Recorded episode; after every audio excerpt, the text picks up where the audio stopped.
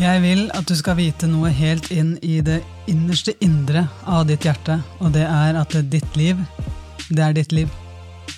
Og hva hvis det er mulig, da? At du kan gjøre noe gøy ut av det? Hva hvis det er mulig at du kan følge ditt hjerte? Og faktisk bare kjenne at du lever fra et sted av det som er ekte inni deg. Og jeg vet at det her høres ut som en klisjé. Jeg vet at det her kan høres ut som noe som er en umulig oppgave, fordi helt fra du er liten, så blir du fortalt hva du skal gjøre. Helt fra du er liten, så blir du kasta inn i barnehagen, og ikke kasta da, båret nydelig inn i barnehagen. Du blir plassert der, du blir plassert på grunnskolen, på ungdomsskolen, på videregående skole, og du blir fortalt av mennesker som kan mer enn deg om hva du trenger å gjøre, hva du trenger å lære, hvordan du skal tilbringe tida di. Det er noen andre som bestemmer alt. Og så plutselig en dag så våkner du opp, og så tenker du hvordan kan jeg være meg oppi det her? da? Hvordan kan jeg finne ut av hva som er ekte for meg oppi alt det her? Og jeg vet hvordan det er. Og Derfor så har jeg lyst til å gi deg den podkasten her, for jeg vet også hva det vil si å følge mitt eget hjerte. Selv om det noen gang kan føles håpløst, selv om det noen gang kan føles ut som en krevende oppgave. Men det å våge å navigere derfra, det er noe som skjer i det øyeblikket du tar den avgjørelsen. Det er noe som skjer i det øyeblikket hvor du bestemmer deg for at nå, nå er det nok. Nå har jeg lyst til å være den som bestemmer i mitt eget liv. Ja, jeg skjønner at det er regler jeg skal følge. Ja, jeg skjønner at det er visse ting som jeg må gjøre. Men jeg har blitt tildelt det livet her. Og jeg har tenkt å bruke det til noe som inspirerer meg. Det er du også helt kapabel til. Det har du fullstendig rett til. Og jeg er her for å fortelle deg at du har rett til å være glad. Du har rett til å styre ditt liv i den retningen du er stolt av. Så hva er det for deg? Jeg har lyst til å ta deg med tilbake til da jeg var 13 år og møtte Frank Beck for aller første gang. Frank Beck var en av Norges aller første og største motivatorer. Og han sto foran oss, vi spilte håndball, og etter trening så, så, går vi inn på et rom der Frank Beck holder et foredrag. Og jeg husker så godt at eh, jeg var bare 13 år, men jeg satt inne i det rommet, og for første gang i livet mitt tror jeg, så klarte jeg faktisk å sitte stille, for jeg lytta til hvert eneste ord. Jeg var så inspirert, jeg var så fylt opp. Og jeg husker så godt hvordan jeg satt og kikka på han og jeg så øyebryna hans bevega seg i alle mulige retninger, for det var sånn han prata. Han var enormt på mimikk. Men han inspirerte meg. Jeg vet ikke om du har hatt sånne øyeblikk i ditt liv hvor du bare tenker at der skjedde det noe med meg. Det var et sånt øyeblikk for meg. Og jeg husker så godt at jeg satt i bilen sammen med mamma på vei hjem fra det foredraget. Og så sa jeg til mamma du mamma, han, han Frank-fyren, går det an å jobbe sånn som han? Kan man ha det der som jobb? Gå rundt og gi folk det som han ga meg nå?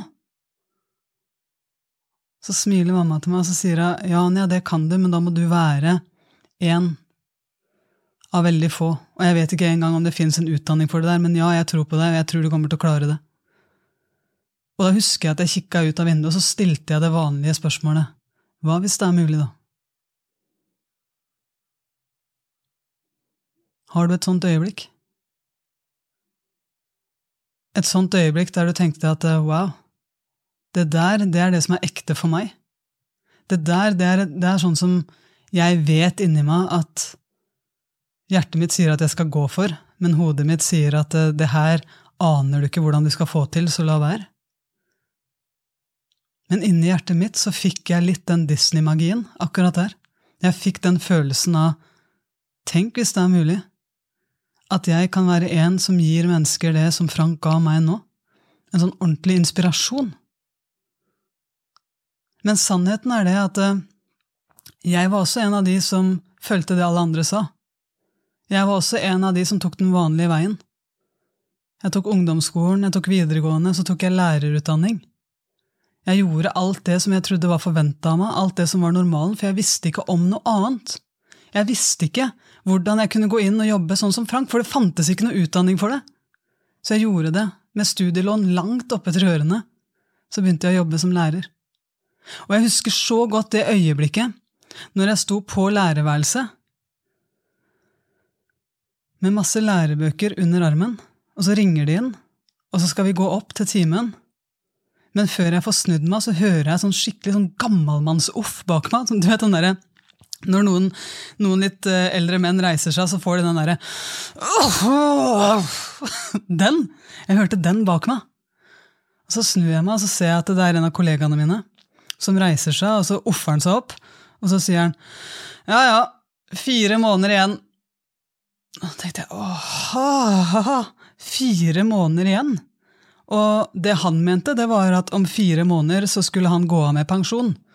Og han kunne åpenbart omtrent ikke vente med det. Og i det øyeblikket så kjenner jo jeg på den frykten, og den sprer seg over hele kroppen min, der jeg kjenner er det det her som er mitt liv? Er det det her jeg har valgt? Skal jeg virkelig nå gå gjennom livet mitt og glede meg til å bli pensjonist. For jeg følte det, hvis jeg var helt ærlig med meg selv, så følte jeg det på samme måte som han.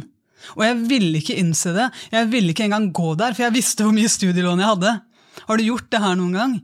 Har du begynt på noe, og så etterpå så tenker du æh, dårlig idé, men det er vel den veien jeg valgte, da, så får jeg bare bli. Uh, min gode venn Ivar Haugstad han har et foredrag som heter Jeg som heter 'Kunsten å virke sammen på jobb'. og Der, der har han en sånn typologimodell hvor han forklarer ulike mennesketyper og hva som kan være karakteristikker da, som du kan finne på jobb. Og en av de typene det kan være 'jeg blir og jeg lider'-typen. Eh, som bare blir på en jobb som han egentlig misliker. Men eh, han har nå sagt ja til det, så jeg blir og jeg lider. Og jeg følte meg litt som den. Jeg følte meg litt som JBJL-typen. da at ah, jeg får vel kanskje være der. Men så kjente jeg også på den frykten. Og i det øyeblikket, når jeg skal til å snu meg og gå ut Det her var en vinterdag, så det var fortsatt mørkt ute. Så jeg skulle gå ut, og skal jeg ha opp i klasserommet og ha den første timen min. Så kikker jeg ut, og der er det sånn gatelys med litt snø nedover. Og det er der jeg får flashback tilbake til bilen til mamma. For når jeg kikka ut vinduet der, sånn, så så jeg et sånt gatelys med snø, og jeg husker at jeg sa inni meg hva hvis det er mulig, da? Og den kom bare tilbake til meg som en knyttneve, og jeg kjente jeg ble kvalm, for da huska jeg på det som var den egentlige drømmen min. Har du en sånn greie inni deg, hvor du vet inni deg at det, det, er egentlig den veien der som var den ekte for meg, men jeg visste ikke det ble så mye greier, så jeg gadd ikke gjøre det. Uh, for meg så var det akkurat sånn. Jeg gikk opp, jeg holdt de timene, og hvis jeg skal være helt ærlig, jeg var ikke inspirert. Jeg var ikke en spesielt inspirerende person, og jeg kunne ikke gi de elevene det de drømte om, fordi at jeg visste inni meg at ikke jeg hadde vært ærlig med meg selv. Jeg visste inni meg at det var ikke det stedet jeg egentlig drømte om å være. Og jeg skyldte de elevene mer enn det. De fortjener mye mer enn det. Og jeg husker at jeg sa opp jobben min den dagen. Og Før jeg spilte inn den podkasten, sånn, så prata jeg med coachen min og så sa jeg at jeg har litt lyst til å fortelle den historien, her, sånn, men jeg kan ikke gå rundt og anbefale folk å si opp jobben sin. For jeg vet jo at det er jo ikke det fornuftige å gjøre. Så, så utfordrer hun meg og sier jeg, ja, Manja, hvor, hvorfor det? Det gikk jo bra for deg. Og det er så sant! Det er så sant, for Hvis jeg tror på meg sjøl, må jeg også kunne tro på deg. På deg som lytter til den podkasten her. Hvis du er på feil sted, så har jeg en tro på at du kommer til å finne en vei. Hvis jeg skal være helt ærlig, så kan det hende at livet er for kort. Det kan hende at livet er for kort å gidde å vente i 20-30-40 år. Det kan godt hende at istedenfor at du blir med i JBJL-gruppa, så kan det være verdt å ta action. Men det kan også hende at det er verdt å fase det ut og gjøre det på en annen måte som passer deg bedre. Men jeg er i hvert fall ferdig med å si at ikke gjør det på min måte, for jeg vet jo at det gikk bra å gjøre det på min måte òg. Så hvis du vet inni deg at du er en som er god under press, så ja, hvorfor ikke? Men jeg sa opp jobben min for å gå for det jeg drømte om. Utfordringa mi, da. Og det har sikkert du òg. Du har sikkert noen utfordringer, du òg. Og for meg så var det en utfordring at jeg drømte om å fortelle historier, jeg drømte om å inspirere mennesker, og jeg drømte om å hjelpe mennesker med å se den ekte verdien de har inni seg. Men utfordringa mi, det var nummer én. Jeg var livredd for å snakke i forsamlinger. Eh, jeg ante ikke hvor jeg skulle begynne, og jeg hadde ca. null sceneteknikk. Og jeg ante ikke engang hvordan man tjener penger på det her, for jeg hadde jo som sagt litt studielån å skulle betale ned på, og også litt huslån og sånn som alle folk har. da. Og jeg tjente fortsatt ikke nok penger på håndballen til å bare kunne leve av det. For det her var før jeg ble ordentlig god i håndball. Så da står jeg i det valget, da. Hva gjør jeg nå? Sant? Hva, hva hvis det er mulig å komme styrka ut av det her? da? Og som alltid da, så begynner jeg å søke etter hvem er de beste på å stå på scenen. Hvem er de beste i verden på å stå på den scenen? Så finner jeg de, så studerer jeg de på, på YouTube, og alt sånt, leser og lærer om sceneteknikk. Men så tenker jeg, hvem er den beste i Norge som jeg kan møte face to face og lære av? Og for meg akkurat da så kom jeg fram til Sturla Berg Johansen. Sturla han var for meg en av de menneskene som jeg, jeg syns han er til å spise opp på scenen. Jeg synes han var nydelig, nydelig, nydelig på scenen. Og for meg så var han bare en som jeg virkelig virkelig drømte om å lære av. Men utfordringa mi var jo at eh, jeg kjente jo ikke Sturla. Eh, men det er jo litt sånn som folk sier. da, hva er det De sier at det er en sånn tre-fire-fem ledd mellom deg og den du ønsker å få tak i, uansett hvem det er. Og hvis du virkelig kjemper for noe, så finner du det telefonnummeret. Og det gjorde jo jeg. Jeg fant telefonnummeret til Sturla. Sendte han en melding, på samme måte som jeg sendte Christian Berge melding når jeg hadde lyst til å spille VM og hadde lyst til å bli bedre i forsvar, så sendte jeg nå Sturla en melding fordi jeg hadde lyst til å bli bedre på å stå på scenen. Og, og jeg sa bare helt ærlig til han at uh, jeg syns du er skikkelig god i det du gjør, og jeg blir glad hvis jeg kan få lov å være med deg på noen show og lære av det. Den meldinga jeg får tilbake da, det er Anja, møt meg på, uh, på scenen i Oslo. Og og vi skal inn og, og, trene sammen. Så han hadde da leid en scene for oss i Oslo, på Latter. Og jeg skulle inn og trene sammen med Sturla. Ehm, jeg møtte opp. Han setter seg tilbake i salen, han plasserer meg på scenen, og så sier han ok, vis meg noe. Hva hadde du gjort i en sånn setting? Vis meg noe. Og husk det jeg sier da, at jeg ante ikke hvor jeg ante ikke hvordan jeg skulle begynne. Jeg ante ikke engang hva jeg skulle snakke om. Jeg bare hadde en drøm om at jeg på en eller annen måte hadde lyst til å gi mennesker det Frank ga meg. Altså, Jeg hadde null i utgangspunkt. Typ null. Og så sier Sturla ja, ja, men still deg på scenen og vis meg noe. Det er da jeg skjønner at det er mulig jeg har begynt i feil rekkefølge her. Det er mulig jeg skulle hatt noe å vise deg i forkant før jeg tok kontakt. Men det hadde jeg ikke, og det var dumt. Eh, men det er jo det er litt sånn learning by burning. Da. Det er litt sånn vi sier. At eh, det er, eh, det er mulig å lære av alt. Men på den ene dagen der med Sturla, hvor vi til slutt fikk stotra fram noe som, som, jeg kunne bruke til noe. Da. Finne ut litt hvordan lager man historier, og hvordan formidler man historier. og Når beveger jeg meg på scenen? Når går jeg opp, og når går jeg ned i toneleie? Når tar jeg pauser? mellom ordene, osv. osv. Og det å lære det hands on fra den beste jeg visste om, det var helt enormt. Og det ga meg en gnist, det ga meg en inspirasjon til å fortsette. Det ga meg en inspirasjon til å bli en bedre storyteller, til å finne ut mer hvordan er mine historier, hvordan har jeg lyst til å gi det her videre. Og jeg tror virkelig da, at vi mennesker vi trenger å ha noen andre mennesker der som løfter oss opp noen ganger som kan gi oss et alternativ til alt det andre som media av og til serverer oss. Der vi kjenner at vi blir oppmuntra, der vi kjenner at vi får en styrke, der vi kjenner at vi får en kraft. Og hvis jeg kan være kilden til det for noen, så skal jeg love deg at det er verdt å bli så nervøs at nesten har lyst til å tisse i buksa foran Sturla Berge Hansen. Fordi at uh, jeg var det. Jeg var helt ærlig helt satt ut når jeg sto på den scenen, men jeg lærte så mye. Så hva er det her for deg? For jeg vet så godt også hvordan det er å, å stå på det lærerværelset midt i dette valget. Midt i dette valget mellom å bli eller å fullføre drømmen. Eller å gå for drømmen, eller å starte i det hele tatt da, på drømmen. Fordi vi får den stemmen i hodet, sikkert både du og jeg, der vi, vi begynner å høre oss selv prate om ja, men hvem er du, da? Hvem er du til å fullføre drømmen din? Hvem er du til å følge drømmen din? Alt kan jo ikke bare være gøy! Men jeg vet også inni meg på lærerværelset den gangen, så var det en liten 13 år gammel Anja inni meg som bare drømte om å bli hørt, som drømte om å bli sett, og som drømte om at jeg skulle tro så mye på meg selv, og tro på at jeg faktisk kan finne en vei, og tro på at jeg er villig til å finne en vei. Tro på at jeg faktisk har rett til å gå for min drøm. Så hva er en drøm som du hadde for deg selv når du var et barn?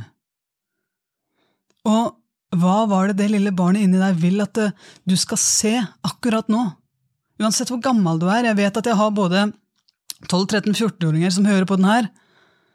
Og så har jeg også de på 60 pluss som hører på det her. Det her er en podkast som mange hører på, og uansett hvor du er i livet akkurat nå. Hva er en drøm du hadde for deg sjøl når du var barn? Og hva er det det lille barnet inni deg vil at du skal se?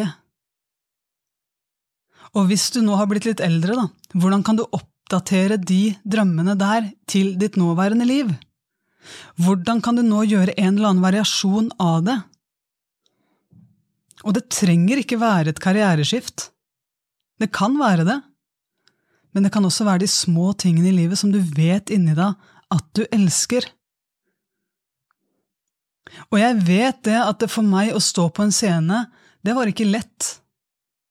Det er mye av det jeg jobber med nå. Enten så står jeg på en scene, eller så coacher jeg mennesker som skal stå på en scene. Det er veldig mye av det jeg jobber med nå. Og for meg så var ikke det lett. Og hvis jeg skal være helt ærlig med deg, så scorer jeg introvert på alle tester. Hver gang noen har lyst til å teste meg, i noe sånt nå, så sier de alltid ja, Anja, du er veldig introvert. Ja, og det vet jeg at er en av grunnene til at jeg kunne latt lokk på den drømmen. Jeg vet at det var krevende for meg, men jeg lover deg at det at det er krevende, det er jo ikke det samme som et nei. Det er jo ikke det samme som å la være. Det er bare at det er litt krevende. Det er bare at jeg må lære meg noen strategier for å hente energi når jeg er aleine, eller for å hente energi før jeg skal på scenen eller etter scenen. For å klare å sette grenser, sånn at jeg ikke hele tiden er tilgjengelig for alle hele tiden. Det er jo bare egentlig en enda større del da, av min personlige utvikling. Og enda mer å prate om på scenen, for jeg tror det er flere som meg. Og jeg gjorde det folk sier når de sier bare vær deg selv. Og det er jeg stolt av, for derfra så åpna det seg noen dører som jeg tidligere bare drømte om. Sant? Men det starter med å ta bort de lagene som skygga for det som skinner innenfra.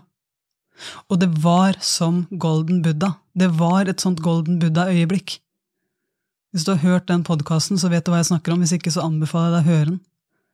For jeg så det laget med gull som alltid har vært der inne. Og det tror jeg du kan gjøre òg.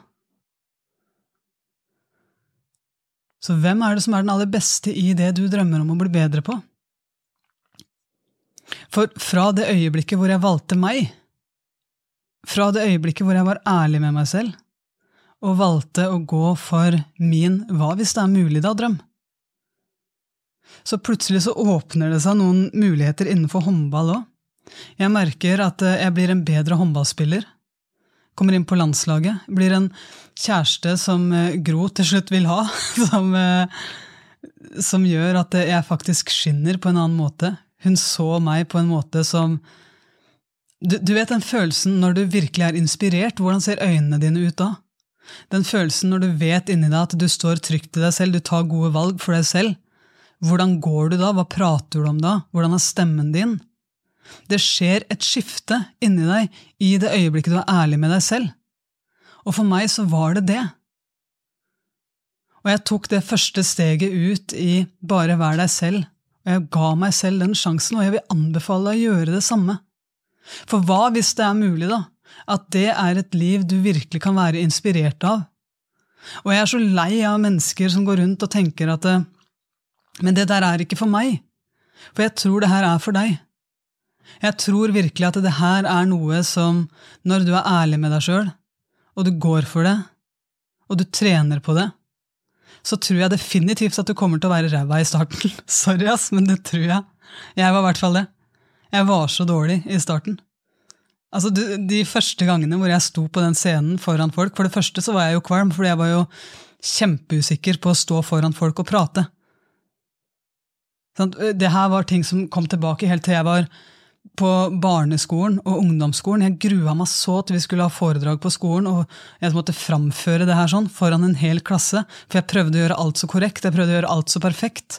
Og den frykten den tok jeg med meg opp i voksenlivet. da. Jeg var redd for å stå foran folk og snakke. Jeg måtte lære meg de tingene her. Og nå har jeg min egen podkast. Jeg vet ikke om du helt skjønner hvilken seier det er for meg.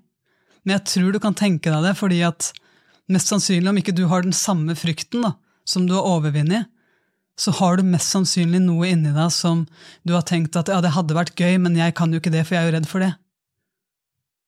Men jeg tror litt at det her er en del av vår hero's journey. Det her er en del av det som, som heter å gå inn i den mørke hula og face det vi faktisk frykter. Og komme ut igjen som en person som har blitt kvitt de tingene og de skyggene som holder oss tilbake. Og ikke bare kvitt de som om vi har lagt de fra oss, men kanskje til og med begynt å takke de. For kanskje jeg trengte å være redd for å stå foran folk og snakke. Fordi grunnen til at jeg hadde det, det var jo at det var noe inni meg som hadde lyst til å beskytte meg. Kanskje trengte jeg akkurat det her sånn, sånn at jeg kunne lære meg forskjellen på når jeg trenger beskyttelse, og når jeg trenger å gi slipp på det jeg er redd for for å kunne inspirere andre. Kanskje trengte jeg å ha den usikkerheten for å vite hva smerte er, for å vite hva usikkerhet er, sånn at eh, jeg blir hel ved når jeg står og snakker om det på scenen. Og for meg å starte den reisa der sånn sammen med Sturla, og det å ha han i salen på et av mine aller, aller første foredrag han, han reiste opp til Hamar for å høre meg holde et foredrag. Hele den historien der sånn, den, den har inspirert meg så vanvittig mye. Alle trenger en Sturla i livet sitt, pleier jeg å si. Og det er helt sant. For det for bare noen uker siden så var det Insponanza med Athenas, eh, og, og der sto jeg på scenen og holdt et foredrag. Der jeg jobba med mindset, der jeg jobba med fokus, der jeg jobba med å leve fra hjertet. På scenen og i salen så satt Sturla. Og jeg kjente at det var en så vanvittig fokustrening for meg, for jeg kjempa litt med tårene. For jeg var så stolt og etter det foredraget så kommer Sturla mot meg og så gir han meg en kjempeklem, og så sa han Anja, du gjorde det. Du gjorde det.